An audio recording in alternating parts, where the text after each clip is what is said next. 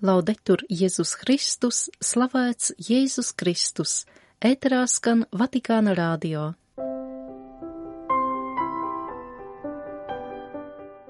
Piektdienas 1. marta raidījumā pavists tikās ar antropoloģijas jautājumiem veltītās konferences vīrietis un sieviete Dieva attēls dalībniekiem – ieskats citās šīs dienas audiencēs.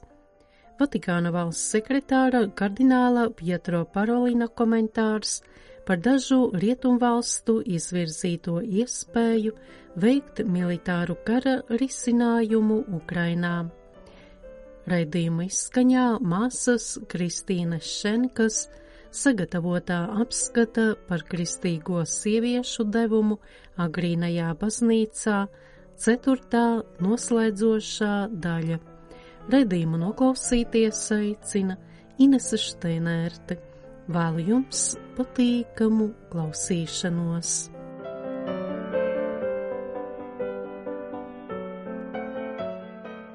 Piektdien 1. martā pāvests pieņēma audiencē zinātniskās konferences vīrietis sievieta dieva attēls par aicinājumu antropoloģiju dalībniekus. Sāaugstēšanās dēļ Franciskas pats nelasīja iepriekš sagatavoto tekstu, bet palūdza to izdarīt savam līdzstrādniekam. Ievadā viņš tikai norādīja uz džendera ideoloģijas lielajām briesmām mūsdienās. Ideoloģija izdzēš atšķirības, taču izdzēst atšķirības nozīmē iznīcināt cilvēcību, viņš uzsvēra. Aicinājumu antropoloģijas un pētniecības centra rīkotās tikšanās mērķis bija aplūkot un novērtēt katra aicinājuma antropoloģisko dimensiju. Pavists to atgādināja savā uzrunā. Viņš uzsvēra, ka tas attiecas uz kādu elementāru un fundamentālu patiesību, kas mums šodien ir jāatklāj visā tās skaistumā. Cilvēka dzīve ir aicinājums. Ik viens no mums ir aicināts. Tas attiecas gan uz lielajām izvēlēm, kas skar dzīves stāvokli, gan arī izvēlēm dažne dažādās dzīves situācijās. Mēs sevi īstenojam klausoties un daloties ar citiem kopējā labuma labā. Runājot par džendera ideoloģijas briesmām, Francisks darīja zināmu, ka ir pieprasījis pētīt šo jautājumu. Cilvēka dzīve ir aicinājums. Pāvests norādīja, ka šis atklājums liek mums iziet no noslēgtības sevī un paraudzīties uz sevi kā uz personu attiecībās. Mēs esam radīti attiecībām Tā ir ļoti svarīga antropoloģiska patiesība, jo pilnībā atbilst mūsu sirds ilgām pēc piepildījuma un laimes. Mūsdienās to cenšas aizmirst vai aizēnot, riskējot reducēt cilvēku uz viņa materiālajām vai primārajām vajadzībām, it kā viņš būtu objekts bez sirdsapziņas un gribas, ko dzīve vienkārši velk līdzi kā kāda mehānisma daļu taču vīrietis un sieviete ir dieva radīti, viņi ir veidoti pēc radītāja attēla, tas ir, viņi nes sevi ilgas pēc mūžības un laimes, ko pats dievs iesēja viņu sirdīs un ko viņi ir aicināti īstenot caur savu aicinājumu. Franciskas paskaidroja, ka tāpēc mūsos valda zināma veselīga spriedze, ko mēs nekad nedrīkstam apslāpēt. Mēs esam aicināti uz laimi, dzīves pilnību, uz kaut ko lielu, kam Dievs mūs ir paredzējis. Mūsu dzīve nav nejaušība, neviena cilvēka dzīve nav nejaušība. Mūsu esamība pasaulē nav tīrās nejaušības rezultāts, bet mēs esam daļa no mīlestības plāna, un mēs esam aicināti iziet no sevis un to īstenot sev un citiem. Lai gan ir taisnība, ka katram no mums ir sava misija, tomēr jāņem vērā, ka tas nav mums uzticēts ārējs uzdevums, bet gan dimensija, kurā ir iesaistīta visa mūsu būtība, mūsu kā vīrieša un sievietes, kas ir radīti pēc dieva attēla un līdzības struktūra, skaidroja svētais tēvs. Mums ir ne tikai uzticēta misija, bet katrs no mums ir misija. Tas, kurš mīl, sāk kaut ko darīt, kustās, iziet no sevis, dāvā sevi citiem, veido attiecības, kas rada dzīvību. Pāvests uzsvēra, ka dieva mīlestībai neviens nav nederīgs vai nenozīmīgs. Citējot kardināla Ņūmena vārdus, Francisks sacīja: Nav svarīgi, vai es esmu bagāts vai nabags cilvēku nievāts vai cienīts. Dievs mani pazīst un sauc mani vārdā. Viņš man uzticēja uzdevumu, kādu nav uzticējis nevienam citam. Man ir sava misija. Es savā ziņā esmu vajadzīgs viņa nodomu īstenošanai. Dievs mani neradīja bez vajadzības. Es darīšu labu, es darīšu viņa darbu. Tikšanās noslēgumā Franciskas klātesošajiem vēlēja būt uzticīgiem. Svētais gars prasa, lai mēs būtu uzticīgi, viņš sacīja, taču uzticība saistās ar risku.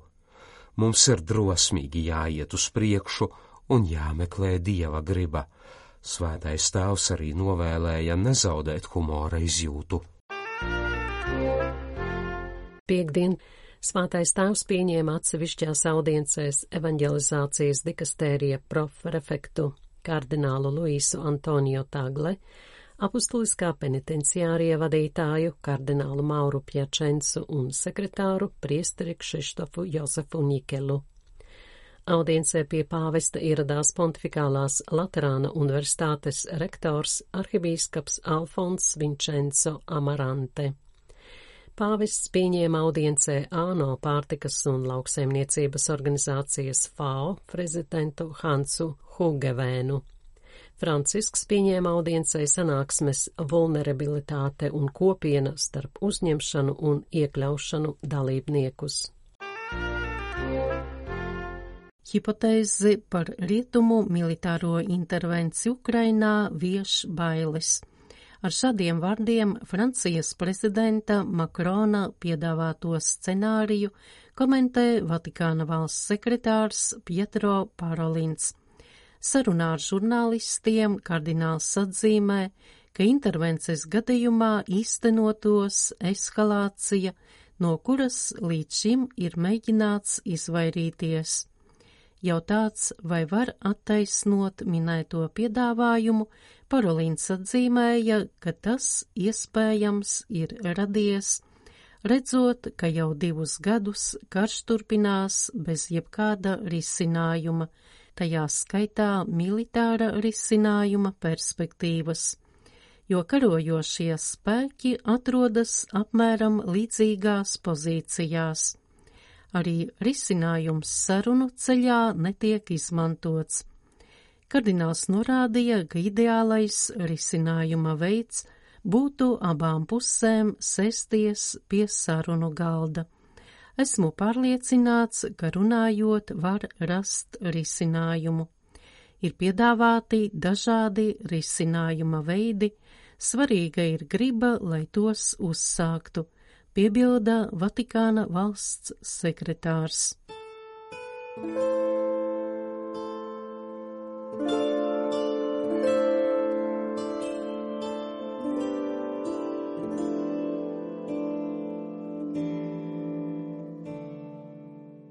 Kas pirmo gadsimtu kristīgajām sievietēm lika sniegt aktīvu ieguldījumu baznīcas attīstībā. Uz šo jautājumu ceturtajā un pēdējā apskata daļā atbildi cenšas sniegt Svetā Jāzepa kongregācijas māsa Kristīne Šenka, kā vestīts pirmajās trīs daļās, vēsturiskās liecības, tādas kā attēli un uzraksti uz sarkofāgiem, kā arī seno autoru raksti rāda, ka sievietes pirmajos kristietības gadsimtos varēja īstenot tādas autoritātes formas, kā būt par baznīcā aktīvām atraitnēm, diakonesēm, mājas, baznīcu un klosteru vadītājām, evaņģelizētājām, skolotājām, misionārēm un pravietēm. Daudzos gadījumos sievietes vadīja citu sieviešu kopienas, bet ir arī atsevišķi izņēmumi, ka tās bija divkāršo, jeb sieviešu un vīriešu klosteru vadītājas. Viens no tādiem piemēriem ir diakonese Marthana no Seleucijas. Viņa vadīja vīriešu un sieviešu klosteri, kas bija uzcelts uz svētās teklas moceklības vietas. Šīs sievietes brīvi liecināja un sludināja, neraugoties uz vīriešu izrādītu opozīciju. Varētu jautāt, no kurienes ir radies spēks un iekšējā autoritāte, kas agrīnās baznīcas sievietēm palīdzēja ignorēt centienus likt tām klusēt. Domāju, ka tas, kas šīs sievietes pamudināja runāt, nevis palikt klusējot, bija viņu ticība augšām cēlušajam Kristum, raksta māsa Kristīna Šenka.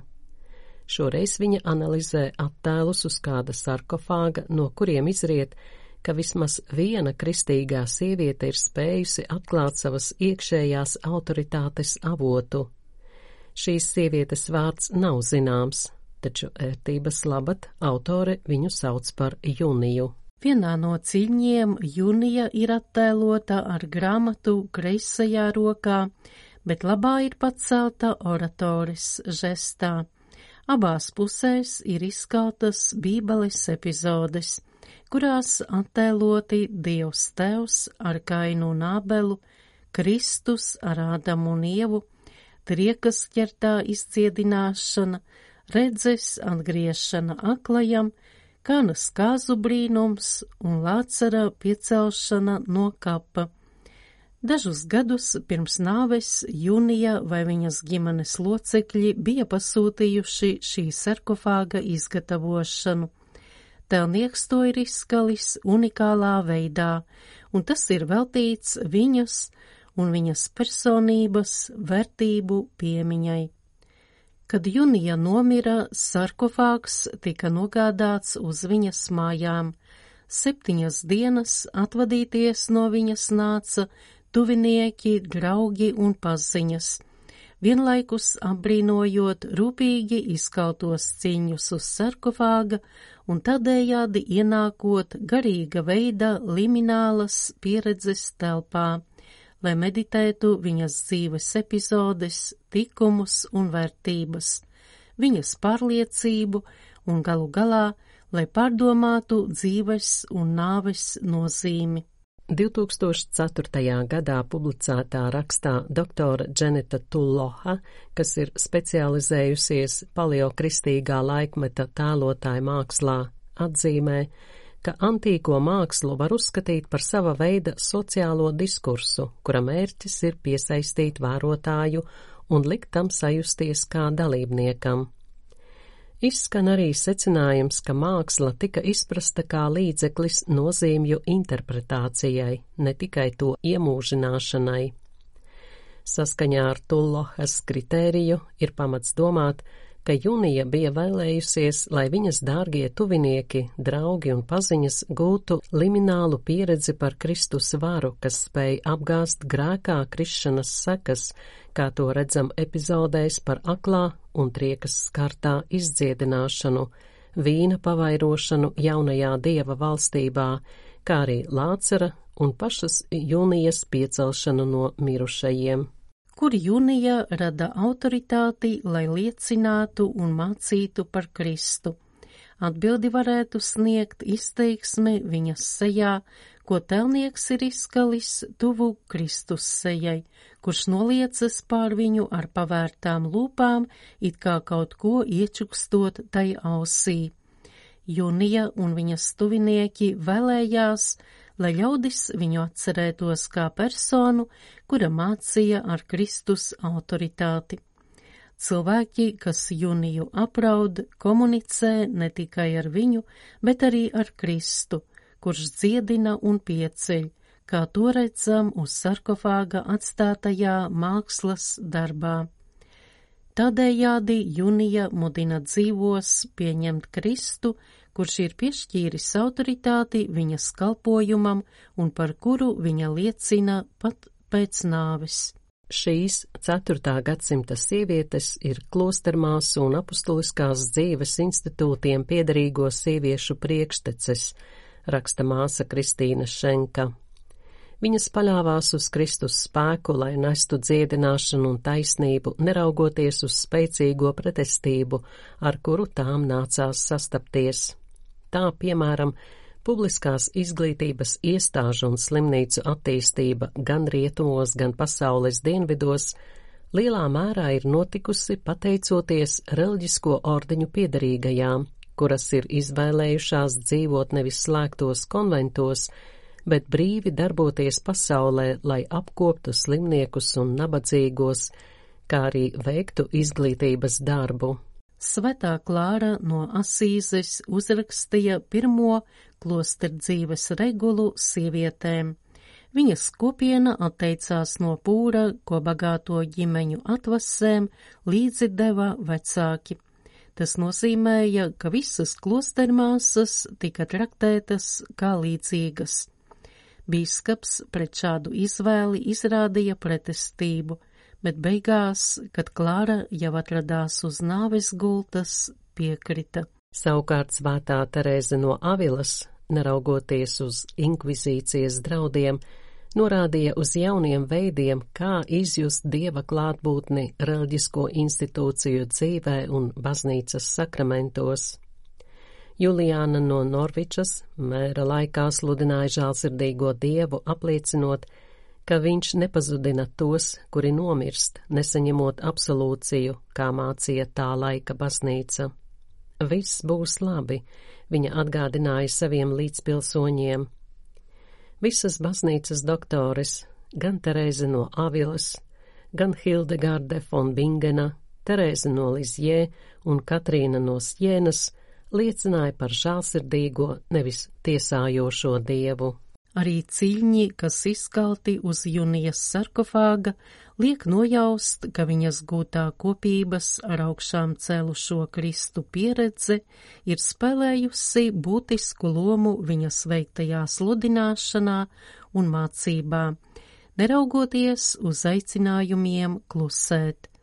Kristietības ilgajā vēsturē un iespējams īpašā veidā sieviešu reliģisko ordeņu vēsturē Kristus tuvība ir palīdzējusi ticīgajiem pārvarēt šķietami nepārvaramus šķēršļus, iedrošinot tos uzņemties risku mūsu abas Dieva tēva dēļ, jo viņa mīlestība beigās valdīs kā debesīs, tā arī virs zemes.